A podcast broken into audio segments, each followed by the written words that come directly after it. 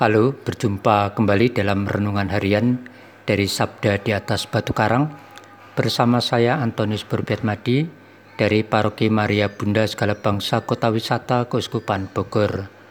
Saudara-saudari yang terkasih, hari ini Rabu tanggal 18 Agustus adalah hari biasa pekan ke-20. Pada hari ini gereja memperingati Santa Helena dan Santa Beatrix.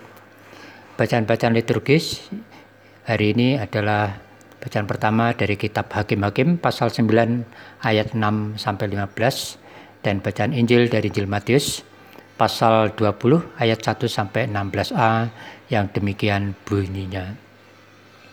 Pada suatu hari Yesus memberikan pengajaran kepada murid-muridnya tentang kerajaan surga. Dikatakannya, adapun hal kerajaan surga sama seperti seorang tuan rumah yang pagi-pagi benar keluar mencari pekerja-pekerja untuk kebun anggurnya. Setelah ia sepakat dengan pekerja-pekerja itu mengenai upah sedinar sehari, ia menyuruh mereka ke kebun anggurnya. Kira-kira pukul 9 pagi, ia keluar pula dan dilihatnya ada lagi orang-orang lain menganggur di pasar. Katanya kepada mereka, Pergi jugalah kamu ke kebun anggurku dan apa yang pantas akan kuberikan kepadamu. Dan mereka pun pergi. Kira-kira pukul 12 dan pukul 3 petang, ia keluar pula dan melakukan sama seperti tadi. Kira-kira pukul 5 petang ia keluar lagi dan mendapati orang-orang lain pula, lalu katanya kepada mereka, Mengapa kamu menganggur saja di sepanjang hari? Kata mereka kepadanya, karena tidak ada yang mengupah kami. Katanya kepada mereka, pergi jugalah kamu ke kebun anggurku. Ketika hari malam, Tuhan itu berkata kepada mandurnya, Panggillah pekerja-pekerja itu dan bayarkan upah mereka, mulai dengan mereka yang masuk terakhir hingga mereka yang masuk terdahulu. Maka datanglah mereka yang mulai bekerja kira-kira pukul lima dan mereka menerima masing-masing satu dinar. Kemudian datanglah mereka yang masuk terdahulu. Sangkanya akan mendapat lebih banyak, tetapi mereka pun menerima masing-masing satu dinar juga. Ketika mereka menerimanya, mereka bersungut-sungut kepada Tuhan itu.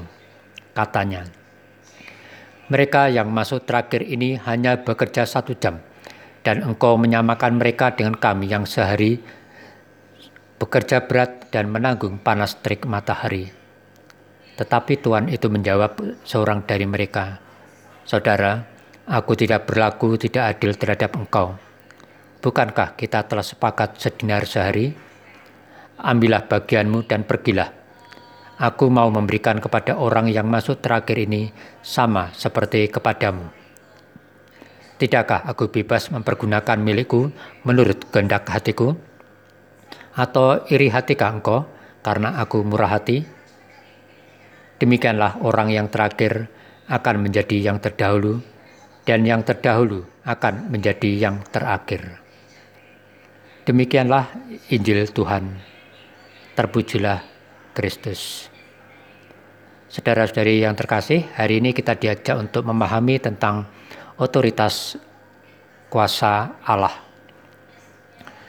Suatu prestasi beragama atau beriman dari seseorang itu tidak bisa kita ukur secara lahiriah. Artinya untuk bisa masuk ke dalam kerajaan Allah tidak ditentukan menurut ukuran kita. Misalnya kita merasa rajin berdoa, mendalami kitab suci, aktif menggereja atau bermasyarakat, ikut kategorial ini itu, berderma, atau kesalehan yang lain dan sebagainya. Dalam bacaan Injil pada hari ini, Yesus mengajarkan sikap iman yang benar supaya kita bisa masuk ke dalam kerajaan Allah.